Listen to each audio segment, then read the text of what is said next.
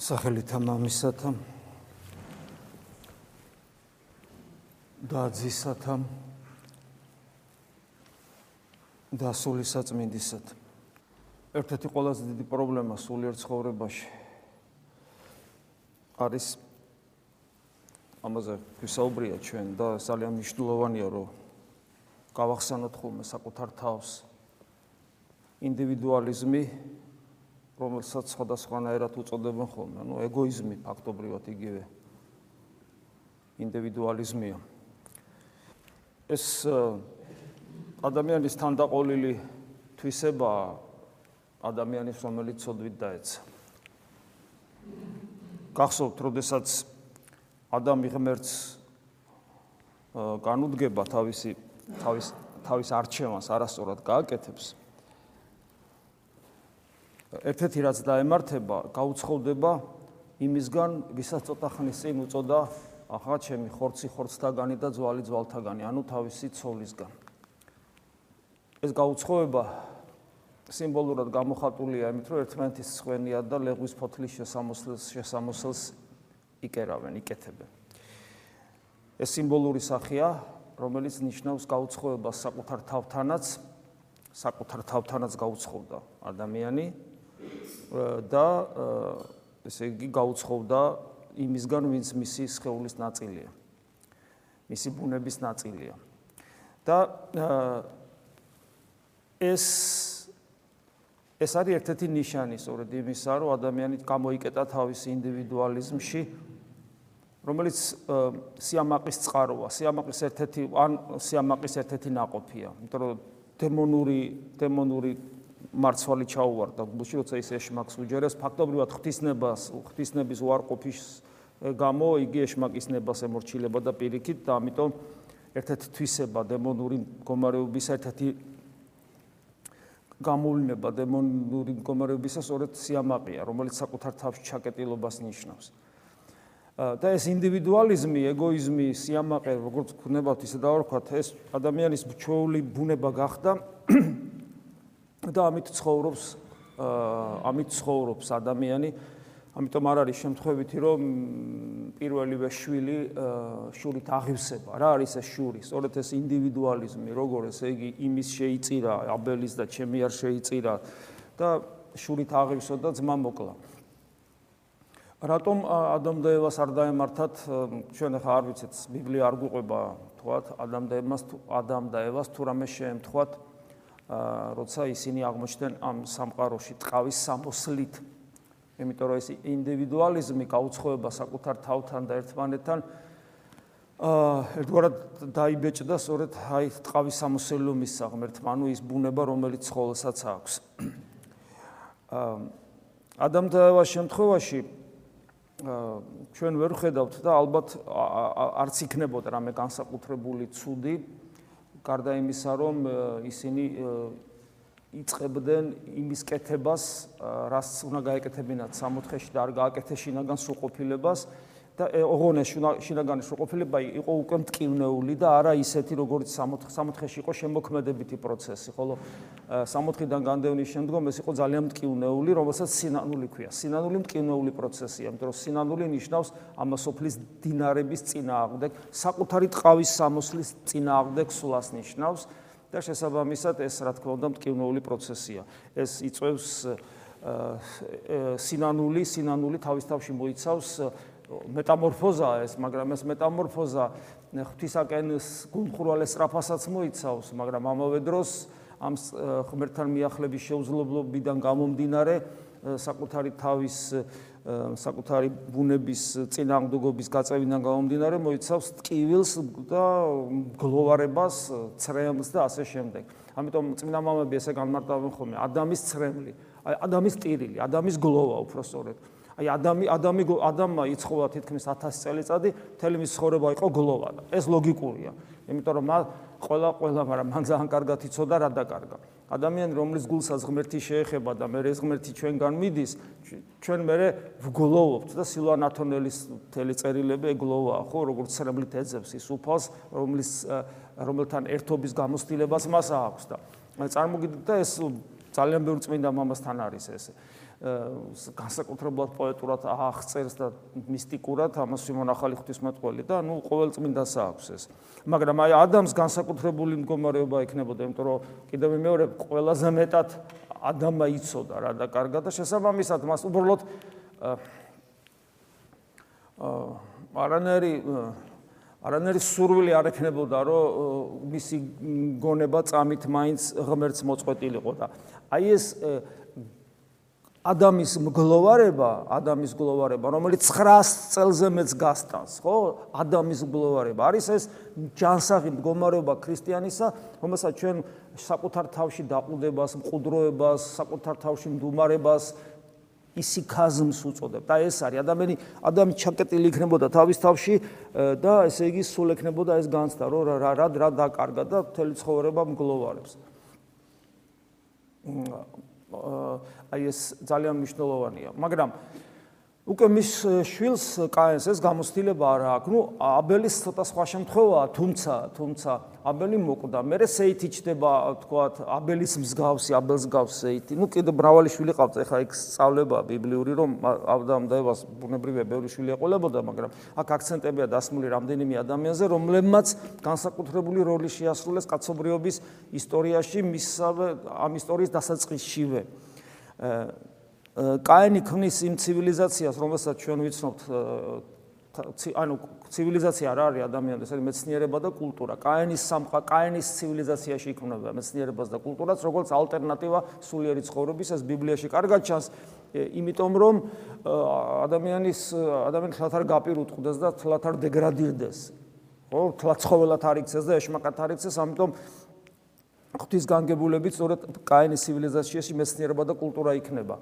მაგრამ მეცნიერება და კულტურა ამავე დროს ხელს უწყობს კიდევ ერთ კიდევ უფრო მეტ კიდევ უფრო მეტად ხელს უწყობს აი ინდივიდუალიზმს, იმიტომ რომ მე ვარ ხელოვანი და მე ვარ მეცნიერი, მე ვარ შემოქმედი, მე ვაკეთებ და გარკვეულწილად ეს ჩვენ ვიცით მაგალითები, როგორი ცოტა რთული ცხოვრ რთული ხასიათების არიან ხოლმე ხელოვანი ადამიანები ხშირ შემთხვევაში, იმიტომ რომ თავის განსაკუთრებულობას გრძნობენ გრძნობენ კიდევაც, იმიტომ რომ ნუ აი ესეთი ნიჭი აქვს და შესაბამისად ეს კიდევ უფრო კეტავს მათ ინდივიდუალიზმში. ეს ბუნებრივი მდგომარეობა ადამიანის. ადამიანს ვერ განიკითხავ იმის გამო, რომ ის ინდივიდუალისტია. ხო, ეხლა ამაზე კაინთან დაკავშირებით მე ბიბლიაში ვია როგორ სეთის სეთის ცივილიზაცია, ანუ თეოკრატული ცივილიზაცია, რომელსაც ღმერთის მეტი არაფერი არ აინტერესებს, აი პირდაპირ ზეცას არიან ზეცას ზეცას უყურებენ, მაგრამ მე ხდება მათი აღრევა და ფაქტობრივად თითოეულ ჩვენგანში კაენის სისხლი ჩვეულებრივად არსებობს. თუმცა ეს იგივე ადამიანის სისხლია და ესეც არ უნდა ეს კაენის სისხლი პირობითად ვამბობთ, რომ კაენმა ჩაედინა მკვლელობა, თორე ჩვენ იგივე ადამიანის სისხლია ცოდით დაცემული ადამიანისგან მიიღო მემკვიდრეობით ის ბუნება, რამაც მე ძმა მოაკვლეინა. აა ესე იგი ეს ბუნებრივი მდგომარეობა არის ადამიანისათვის და ვერავის ვერ განვიკითხავთ, რომ ინდივიდუალიზმით, ეგოიზმით აღბეჭდილია, რომ თითოეული ჩვენგანი ასეთია. მაგრამ აი სულიერ ცხოვრებაში, სულიერ ცხოვრებაში უნდა ვეცადოთ, რომ ის ჩვენ არ შემოყვეს და სულიერ ცხოვრებაში უნდა ვეცადოთ, რომ მისგან გამთავისუფლდეთ. როგორ თავისუფლდებით სულიერ ცხოვრებაში მისგან?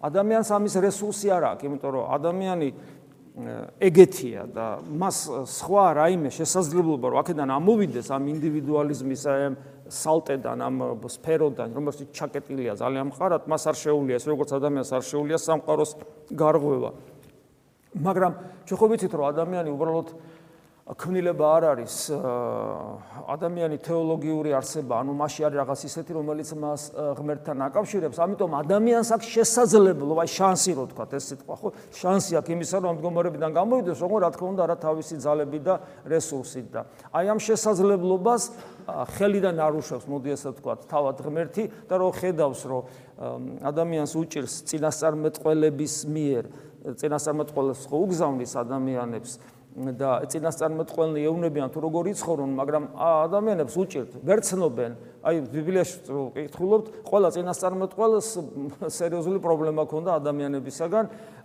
იმ ადამიანებისაგან, ვისთანაც გამოგზავნილები არიან, უმრავლესი მათგანი უბრალოდ მოკლეს. ყველა თითქმის, აი რამდენიმე შემთხვევის გარდა, თითქმის ყველა მოკლეს. ეს ეს ეს არის რეალობა. მაგრამ ღმერთი მაინც აგზავნის, აგზავნის, აგზავნის, აგზავნის და მიუხედავად მიუხედავად იმისა, რომ წინასწარმეტყველებს კლავენ, მე რაღაცას ფიქრობენ, ცოტათი აი ჩვენ რო ილია ჭავჭავაძე მოვკალით, მე დარწმუნებული ვარ, რომ ბოლომდე არა გვაქვს გააზრებული რა გავაკეთეთ ქართველებს, მაგრამ ნუ ცოტათი მაინც, ცოტათი მაინც გული გვტკივა, ცოტათი მაინც პატივს მივაგებ, ცოტათი მაინც ფიქრობ, ცოტათი ზედაპირულად. იმიტომ რომ ილია ჩვენთვის წინასწარმეტყველია. ზუსტად ისეთივე წინასწარმეტყველი თითქმის ალბათ როგორც ძველი აღთქმის წინასწარმეტყველი. წინასწარმეტყველები იყვნენ. და ზუსტად ისე მოვაკეთეთ როგორც ისე ისინი ექცეოდნენ. აა მაგრამ მე მოდის თვითონ თვითონ მოდის. ხა თვითონ რატომ მოდის? თვითონ ეს ხო საიდუმლოა, მისტიკაა, მაგრამ აი გახსოვს სახარებაში როა იგავი ბოროტმე ვენახეებზე. ესე იგი მე ვენახის პატრონი წავა და მე მსახურებს დაუტოვებს, რომ დაამუშავონ და პერიოდულად უგზავნის თავის მსახურებს და ზოგს ცემენ, გააგდებენ, ზოგს მოკლავენ და მოკლდა. მე რეიფიქრა, რომ ჩემ შულს გავაგზავნე, ეს იგავური სახია. ეგები იმის მაინც შერცხვეთ. თუ აი მსახურს რო ვაგზავნე, არ უსმენდა ჩემი შვილის მაინც შერცხვეთ და შვილს აგზავნის და ჰაჰა, შვილი მოვიდაო და მოდი ახლა ეს მოუკლათო და თელი ეს მემკვიდრეაო ესო იმისიო და ამიტომ უკვე ეს ნამდვილად ჩვენ დაგვრჩებაო. გაიყვანენ მენახის gare და კლავერ. ეს წინასწარმეტყველური სახეა, რასაც მე უფალს გაუკეთებენ მენახის gare-თ, ანუ იერუსალიმის gale-თ გაიყვანენ და მოკლავენ. რომ ჩვენ დაგვრჩეს, არ გვინდა ღმერთი ჩვენ, ჩვენ გვინდა ჩვენი თავის პატრონი ვიყოთ. აი ეს გააკეთეს და ეს ძალიან ღრმა ჩანაფიქრია ღვთისა, რომ ესე იგი ამით ბოლომდე მოხდა ლუსტრაცია ადამიანისა, აი ესეთები ვართ და ზოგიერთში ეგება მართლა ამან გამოიწვიოს რაღაც მეტამორფოზა, ჭეშმარიტი მეტამორფოზის დასაწყისი სინანული. ზოგიერთში მართლა გამოიწვია, მართლა ჩვენ ვიცით რომ უკვე ჯვარმცმელთა შორის უკვე გულში იბრაგუნებენ ხელს და ნანობენ ეს რა ვქენითო იქვე ის ასისთავი რომაელი რომელიც შუბსაც უგმირავს და ერთ-ერთი ესე იგი ერთ-ერთი მონაწილეა უფლის დასჯისა. ის შეინანებს და მე ვიცით რომ ის ჩვენ წმინდანი ხდება და მოწამე ხდება ქრისტესათვის. ანუ უკვე რაღაც პროცესი იწყება როგორც კი ქრისტე ყდება თუმცა გარეგნულად თითქოს დიდი არაფერი ხო? ნუ მოკვდა იქ ხო დაბნელდა ხა დაბნელდა მე რო დაბნელდა მიწაიზრა ბუნებრივ მოვლენას მიაწერდნენ ამას ჩვეულებრივად მაგრამ არა რაღაცა ხდება რაღაცა ხდება ადამიანებში განსაკუთრებული რომელიც ასევე საიდუმლოა ჩვენთვის და იწყება რაღაც პროცესი, პროცესი, რომელიც გაგრძელდება სულიწმინდა ღმერთის გარდამოსვლით და პეტრეს პირველსავე ქადაგების მერე 3000 კაცი ინათლება. 3000 კაცი, თან პეტრეს ქადაგება ადრეც მithავს, ეს წერია საქმე მოციქულთაში, არაფერი განსაკუთრებული. ებრაელებს ახსენეთ, ახსენებს მათ ისტორიას. და წინასწარმეტყველებას რომ უნდა მოსულიყო უფალი. ამას ახსენებს, მეტი არაფერი, რაც მათ ისედაც იცოდნენ.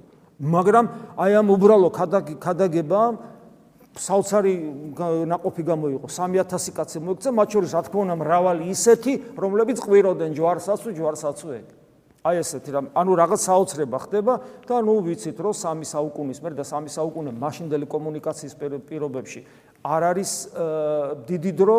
მე მინდა გაგახსენოთ რომ თბილისის სამი საუკუნეზე მეტი იყო არაბების ხელში და მე დავით აღმაშენებელი ძალიან დიდხას ითმენდა ამას. ანუ ეგ არ არის ის დრო ძველ ძველ დრო ძველი დრო ძველი მასშტაბით დღეს კი მაგრამ მაშინ არა. ამიტომ სამ საუკუნეში მოხდა საოცრება რომის გოროზი იმპერია გოროზი იმპერატორის მეთაურობით ქეთს უდრექს იმას ვისაც სამი საუკუნის განმავლობაში ზიზღით დევნიდნენ ზულდად და უცებ ქეთს უდრექს საოცრება მოხდა.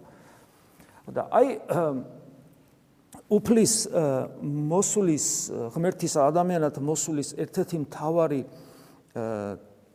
მიზეზი სწორედ ადამიანის ინდივიდუალიზმისგან განთავისუფლება იყო. აი ამ საშნელი აი ამ დემონური მდგომარეობიდან რომელიც ადამიანის პიროვნულობას აღჩობს და კეტავს. იმას იმას ვინც ვინც ისეთი თავისუფალია პოტენციაში რომელიც ამ სამყაროში ერტევა. ადამიანი თავის პოტენციით თავისუფლება რო ქვია ამ სამყაროში ვერ ეტევა. ვერ ეტევა.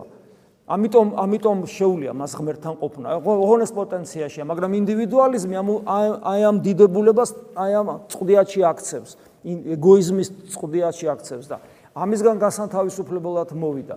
მოვიდა და მოგვიტანა ცოდნა ყოვლადწმინდა სამება ღმერთის შესახებ, რომელიც კაცობრიობამ არ იცოდა. მოგვიტანა ცოდნა იმის შესახებ, რომ ღმერთს სხვადასხვა თვისებები აქვს.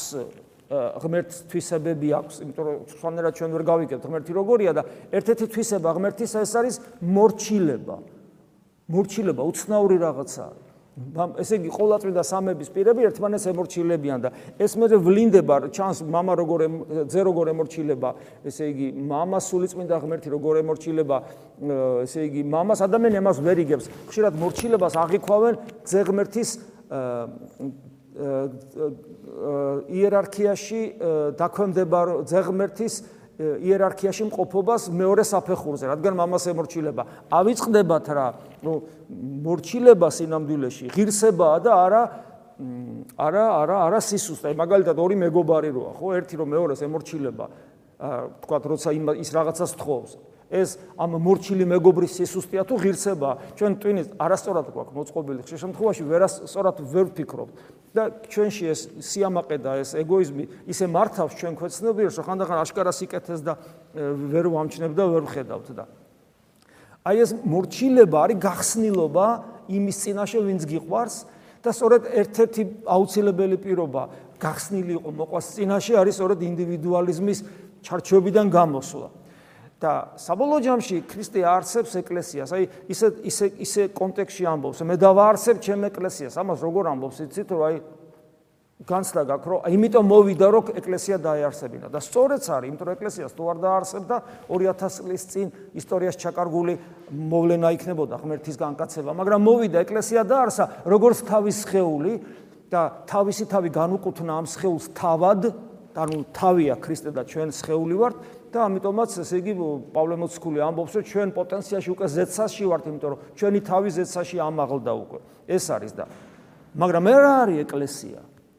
ეკლესია არის ევქარისტიული ცხოვრე ევქარისტიული მსახურება პირველ რიგში ევქარისტია მოდი ესე ვთქვათ როცა ჩვენ ვეზიარებით ქრისტეს სისხლს და ხორცს და ეხლა დღესაც წავიკითხეთ საიდუმლო ლოცვებში ჩვენ ერთი პურისა და ერთი ბარძიმის მიმღებელნი უერთდებით ერთმანეთს და უერთდებით ღმერთს და ვეზიარებით რომ ესე იგი ქრისტე იყოს ჩვენს გულში დამკვიდრებული. ანუ ერთნი ვხდებით. ერთნი ვხდებით და ჩვენ ეკლესია გვაძლევს შესაძლებლობას რომ ჩვენში მოხდეს ის რაც დაირღვა სამუთხეში. რა თქმა უნდა, ეს წინსრებითი საქმეა, ბოლომდე რეალიზებული ეს არ იქნება ჩვენთან ჯერჯერობით, ეს ბოლომდე რეალიზებული იქნება, როცა უფალი დაბრუნდება დიდები და როცა დაბრუნდება დიდები, მაშინ გაირკვევა ვინ აღასრულა რეალურად ვიში მოხდა ეს ნამდვილი ფერისცვალება და ვიში არ მოხდა, გარეგნულად ჩვენ ეს არ გვეთყობა, მაგრამ არსობრივად ეკლესია არის სწორედ ამ ინდივიდუალიზმის, ეგოიზმისგან განთავისუფლება. ევქარისტიის გარეშე ეს არ ხდება. ევქარისტიის გარეშე არ ხდება, ანუ ზიარების გარეშე ეს არ ხდება და ამიტომაც ჩვენ რომ აქ მოვდივართ აი ეს მე ვთქვი რელიგიურ რელიგიურ ადამიანს, მორწმუნე ადამიანს, რომ ასევე რო უჭის ინდივიდუალიზმის საზღვრების გარღვევა, ეს ახალმოსულებს ძალიან მაგრად ეთყობათ ხოლმე და ხშირად ადამიანებს, რომელსაც გარკვეული გამოცდილება აქვს ეკლესიური ცხოვრებისა, მაგრამ აა ამაზე თუ არ უფიქრია და ეს თუ არ იცის, შეიძლება ისევ თავის ინდივიდუალიზმში იყოს ჩაკირული და ვერაცნობიერებდეს სად იმყოფება. ეკლესიაში მყოფობა ნიშნავს, რომ თანამუშაყოფ, ანუ თანამშრომლობ ღმერთთან საკუთარი ინდივიდუალიზმის ჩარჩოებიდან რომ გამოხვიდე და შეუძლებელია ევქარისტიული ცხოვრების გარეშე ევქარისტიული ცხოვრება უნდა იყოს უნდა უნდა იყოს ინტენსიური და არაიშვიათი მრავალი თქვენგანს უკვე აქვს ამის გამოცდილება, რომ რაც თქვენი ევქარისტიული ცხოვრება ინტენსიური გახდა, თქვენი შინაგანი მდგომარეობა აუცილებლად უნდა შეცვლილიყო. მე არ ვამბობ უკეთესობისკენ, უბრალოდ მოცემულობა ესეთი, მოცემულობა ესეთი და უნდა შეცვლილიყო და ეს ერთ-ერთი ნიშანი, ერთ-ერთი ამ ცვლილების ერთ-ერთი მიზეზი არის რომ ადამიანის ინდივიდუალიზმის ეს ეს ეს რაღაცა ეს ნაჭუჭი ნელ-ნელა სუსტება და იშლება და იმტრება. ამიტომ ჩვენი აქ ყოფნის უმთავრესი მიზანი არის ესე იგი ღმერთთან ერთობა და ერთმანერთან ერთობა და ღმერთთან ერთობას და ერთმანერთან ერთობას შეუძლებელი არის ინდივიდუალიზმისგან განთავისუფლების გარეშე. და ახალმოსულ ადამიანებს, რომლებსაც ეს ინდივიდუალიზმი ნორმად მიაჩნიათ, შემოდიან ეკლესიის წიაღში და თუ კიდევ ვიმეორებ, არის თანამშრომლ არის თანამშრომლეს, როგორც პავლე მოციქული ამბობს, ღმერთთან ამ მიმართულებით, ისე თავის ინდივიდუალებში ჩაკეტილები რჩებიან და ვერაცნობიერებენ სად იმყოფებიან, რასაკეთებენ, რისთვის არიან და ბოლომდე, ბოლომდე თავისი პირადი მიზნებისათვის იმყოფებიან ეკლესიაში. ეს პირადი მიზანი შეიძლება იყოს ამ ქვეყნიური პრობლემების მოგვარება ღმერთით, მათ შორის ზიარებითაც და მეორე აა თავისი პირადი სულიერი პრობლემების მოგვარება, რომ უნდა სიმშვიდე, რომ უნდა კეთილდღეობა, რომ უნდა სიწმინდე, რომ უნდა ვნებებისაგან განთავისუფლება, გესმით, რომ უნდა რომ ცხონდეს. რა ჩამოვთვალეთ ცუდი? მინდა რომ ოჯახის წევრების კარგად ყოლდეს, შეერი არ ვიყოთ და ისიც მინდა რომ სიმშვიდეს გქონდეს, სიწმინდეს გქონდეს, ვნებების დავამარცხო, ესე იგი ცხონდე კიდევაც და რა არის ამაში ცუდი? ამაში ცუდი თავისთავად არაფერია. მაგრამ როდესაც მხოლოდ ამით მოვდივარ, არაფრით არ განსხვავდები ჩვეულებრივი ანგარებიანი ადამიანისაგან.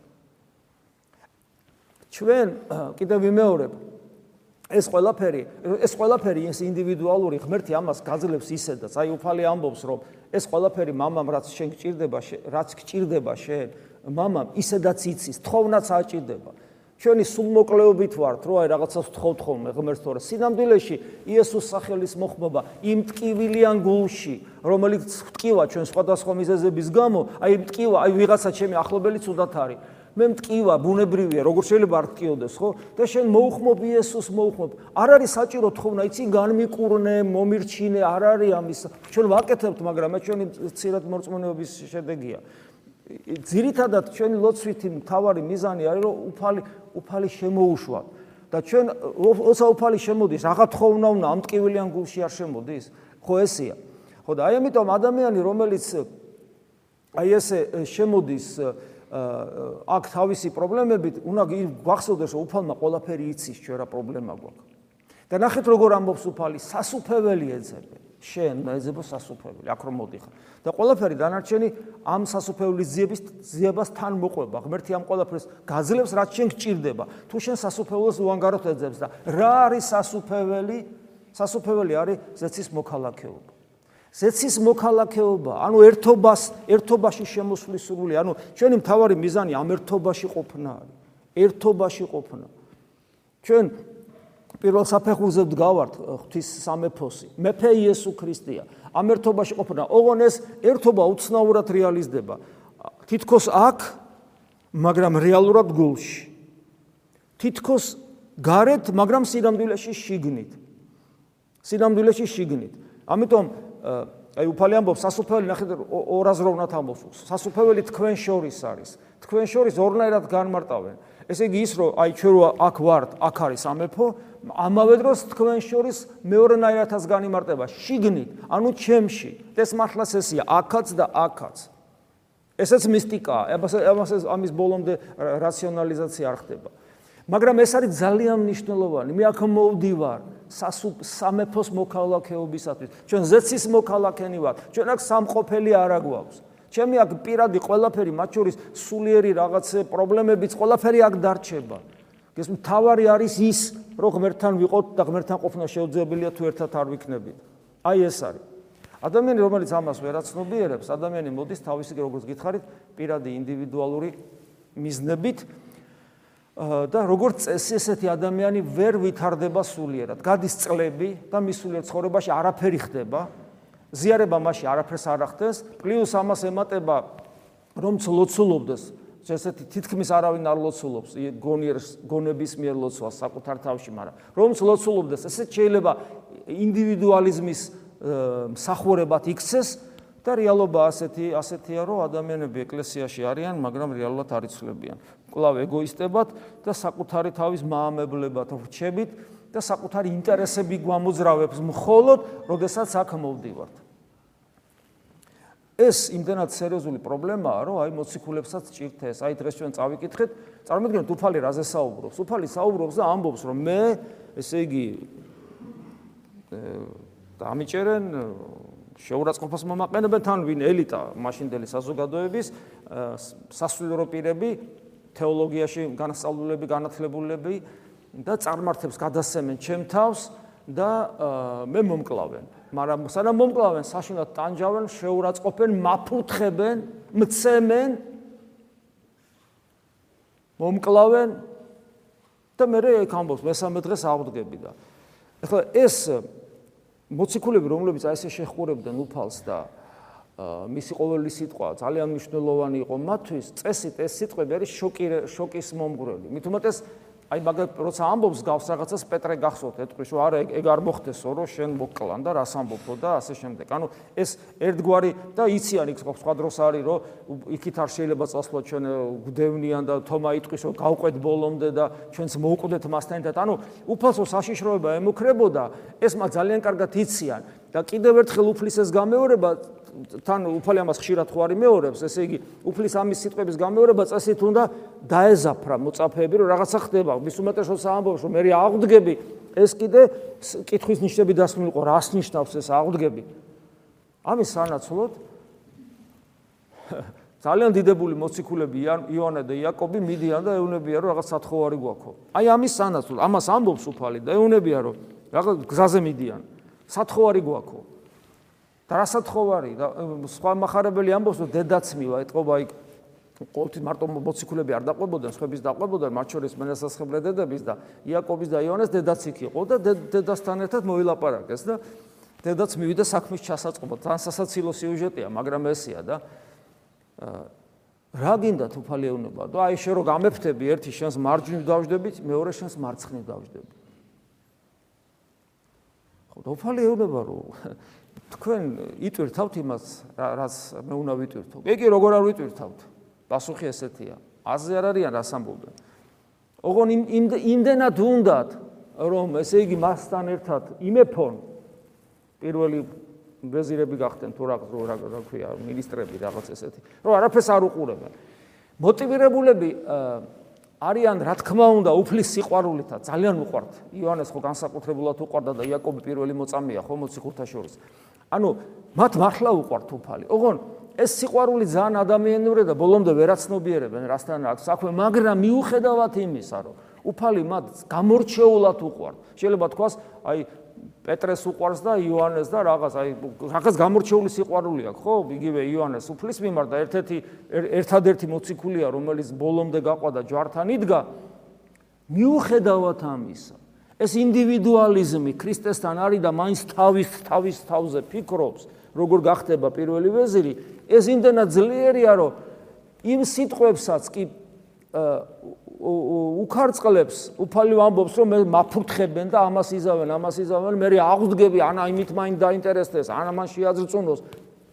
იმდენად, იმდენად საკუთარი ინდივიდუალიზმით დაკავებული არის იოანე და იაკობი.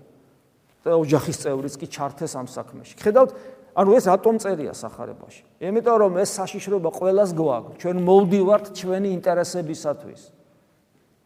ეგოიზმის, ანუ თითქოს იმიტომ მოვდივართ, რომ ქრისტიანები უნდა ვიყო და სინამდვილეში ჩვენს ეგოიზმს და პატიმოყარეობას და ასე ანგარებას ვასხავთ, ესე იგი, უსხავთ წყალს. შეიძლება ეს დაგვემართოს, ამიტომ ეს გაცნობიერებული უნდა გქონდეს. და მე უფალი ეუბნება, რომ კი ბატონო, თქვენ ხედავ მე თქვენ სიყვარულს, აი რო ცოტა განვავცოთ. ხედავ მე თქვენ სიყვარულს, ერთგულებას, მზათახართ რომ იტვირთოთ ის, რასაც მე ვიტვირთავ, ანუ მოკვდეთ კიდევაც ჩემთვის, ჩემი ერთგულებისათვის, მაგრამ ვინ დაждდება მარჯვნივ თუ მარცხნივ, ეს ჩემ ხელში არ არის. მამები ძალიან საინტერესო ამბობენ, რას ნიშნავს მის აბავის ხელშია, ხო? რატო ამბობს ამას? უფალი ამათ ამით მიანიშნებს მათ და ჩვენს მიგვანიშნებს რომ ერთია შენ დრას გააკეთებ და რისვის ახარ მზად და მეორეა ის შენი შინაგანი რესურსი რითაც მარადისობას იმკვიდრებ და ეს შინაგანი რესურსი რითაც შენ მარადისობას იმკვიდრებ ეს ამ ქვეყანაზე არავინ რა თქმა უნდა ღმერთმა იცის. მაგრამ შენ და მე ეს არ ვიცით და ამიტომ ჩვენ რაღაც პრეტენზია გქონდეს რაღაცაზე ეს არის ყოვლად დაუშვებელი. გესმით, ჩვენ უნდა ვიტვირთოთ, ანუ ჩვენი უანგარო სიყვარულიდან გამომდინარე ჩვენ მივისწრაფით უფლისაკენ, მაგრამ ამის სანაცვლოდ მე რას მივიღებ, რომ უფალთან ახლოს ვიქნები თუ შორს ვიქნები, ეს ჩემი საქმე არ არის, იმიტომ რომ მე არ ვიცნობ საკუთარ თავს და მე არ ვიცი რისი რესურსი მაგ და რა შემიძლია. წინასწარ გამზადებულიო, ამას წინასწარ გამზადებული, წინასწარ წინასწარ გამზადებული იმ გაგებით კი არ არის, რომ ყველაფერი წინასწარ განსაზღვრული, არამედ იმ გაგებით, რომ არის ჩვენში ის, რაც ჩვენ არ ვიცით და ეს აპოკალიფსი არის გახსოვთ ყოველას მიეცება თეთრი ქვა რომელზეც წერია მისი სახელი ანუ ჩვენ სახელი ანუ არსი ჩვენ ჩვენი არსი არ ვიცი ამიტომ ადამიანი არ უნდა ფიქრობდეს იმაზე რომ აი მე რა მერგება იქ ეს არასწორია და ხშირად ეს ჩანს ხოლმე პრაქტიკულად ლოცვაში. ადამიანი ლოცულობს და მე მე მოდის და აი ლოცულობ მან ეზიარება ხშირად. ლოცულობ ეზიარები და რაღაცა ვერაფერს ვერ ვგზნობ, რაღაც არაფერი არ ხდება, რაღაც ვერაფერს ვერ ვგზნობ. ჩვენი პასუხი ერთადერთია ხოლმე, რა უნდა იგზნო, რა უნდა მოხდეს. კი, ღმერთის განცდა უნდა გქონდეს, მაგრამ შენ ამ იმისთვის რომ თუ ეზიარები და იმისთვის თუ ლოცულობ, რაღაცა მოხდეს, ეს ყოლა დაუშვებელი დგო, ეს დაახლოებით იგივეა. მე ვლოცულობ და აუ რა განვიცადე მადლი რა კარგი იყო. არ შეიძლება ამის გაკეთება. არაფერ არ შეიძლება. ჩვენი ღირსება ის რომ სამყარო შემოქმედს მოუხმობთ. მორჩა ეს არის ჩვენთვის დიდებულება. დანარჩენი ღმერთმა იცის მივენდოთ მას.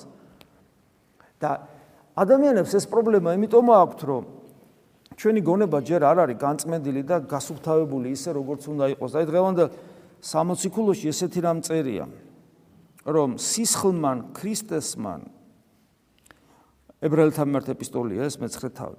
რომელმან იგი სულითა საუკუნო თავითვისი შეწირა უბიწოთ ღვთისა ანუ ქრისტემ როგორც ღვთელმთავარმა ქრისტე ხო ღვთელმთავარია შესაწი სხერპლი შეწირა ღვთელის სხერპს წირავს. ოღონ სხერპლად შეწირა საკუთარი თავი ანუ საკუთარი ადამიანური ბუნება. აი ზვარაკი ანუ ქრისტე არის ზვარაკი ხო?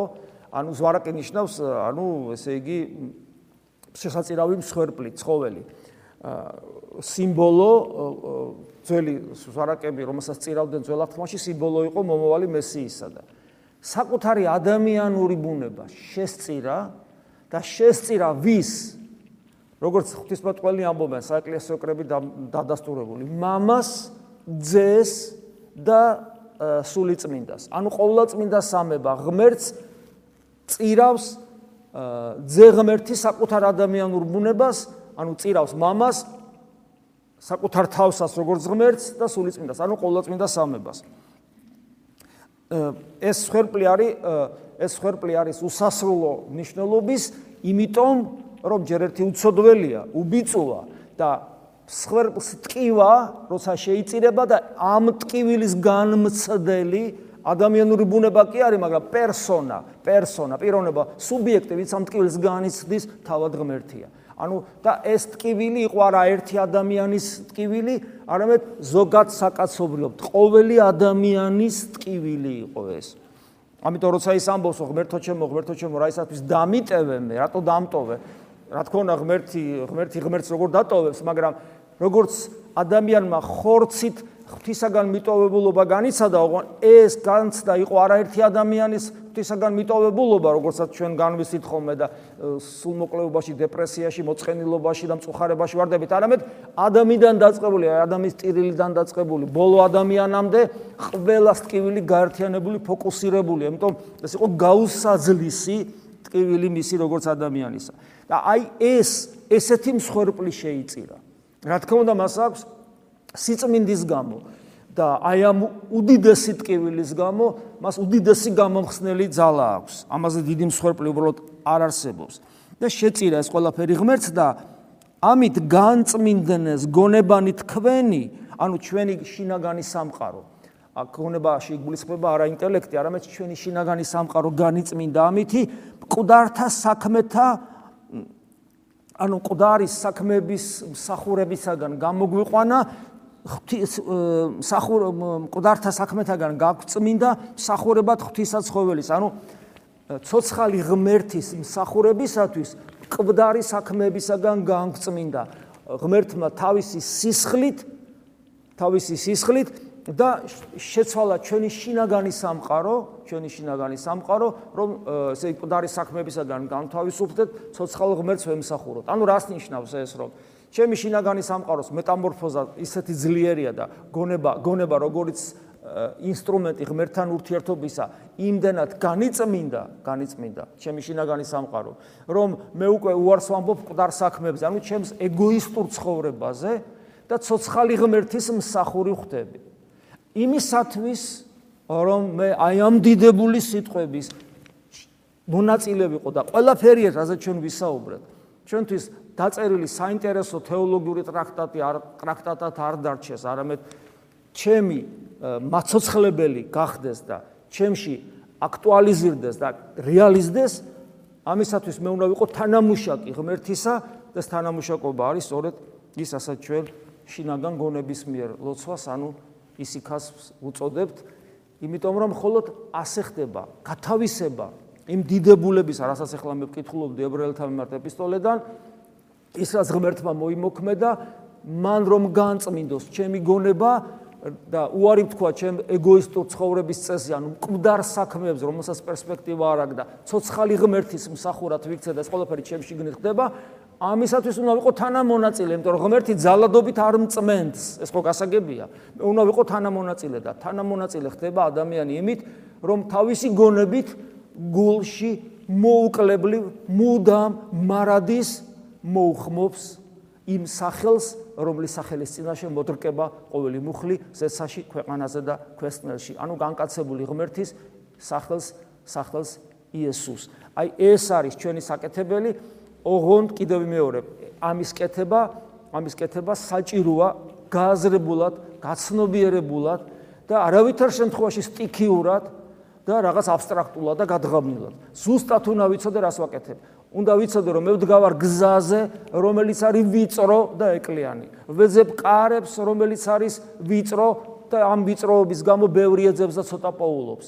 უნდა ვიცოდე რომ ვდგავარ გზაზე, რომელიც ამასოფლის სულის წინააღმდეგ სულას ნიშნავს, ნიშნავს კომფორტის ზოლიდან გამოსვლას და მუდამ ბრძოლის მდგომარეობაში მყოფნობას. ეს არის ქრისტიანობა, მაგრამ ეს არის თითქოს სირთულე, მაგრამ ამავე დროს ეს არის სიцოცხლე. თითქოს სირთულია, რომ გულის უბუდამ ცემს, ფილტვების უბუდამ ფართოვდება და იკუმშება და ასე შემდეგ, მაგრამ ეს არის სიცოცხლე. ეს არის სიცოცხლე. სიცოცხლე მუდმივი დინამიკაა, მუდმივი განვითარებაა, იმიტომ რომ ადამიანი არის არაფრისაგან შექმნილი, რომელიც მუდამ ვითარდება. ადამიანი არის დინამიური არსება. და ამიტომ დინამიკა სადაც აღარ არის, ყველაფერი კვდება. ხოლო სადაც დინამიკა, იქ არის ბედნიერება და იქ არის სიხარული. სადაც ბრძოლა, იქ არის სიხარული, იმიტომ რომ ბრძოლა არის ამ შემთხვევაში იმ მდგომარეობასთან, რომელი მდგომარეობას ჩვენმა შევქმნით ადამიანში, როცა ღმერთს უღალატეთ და ამქედან გამოსვლისთან, გამოსვლისათვის ჩვენ ჩვენ წილ პასუხისგებლობას ვიღებთ, რომელიც რა თქმა უნდა მხოლოდ იმით არის იმით იმით არის ღირებული, რომ ქრისტემ მართლა ჩვენს მაგივრად იმოღვაწევა და მოკვდა ჩვენს მაგივრად. ამიტომ კიდევ ერთხელ და კიდევ ერთხელ დღევანდელი სახარება და სამოციქულო მიგვანიშნებს იმაზე, რომ ესე იგი მიგვანიშნებს იმაზე თუ როგორ უნდა ვიცხოვროთ, რომ ვცხონდეთ, რომ ჩვენი წილი პასუხისგებლობა ავიღოთ და ჩვენი ცოდვები ნუ დაგვაბკოლებს, იმიტომ რომ დღეს ხსენებული მარიამ ეგვიპტელის მაგალითი მე ყოველას გირჩევთ, ისაც წაკითხული არ დაგაქვთ მისი ცხოვრება, წაიკითხეთ.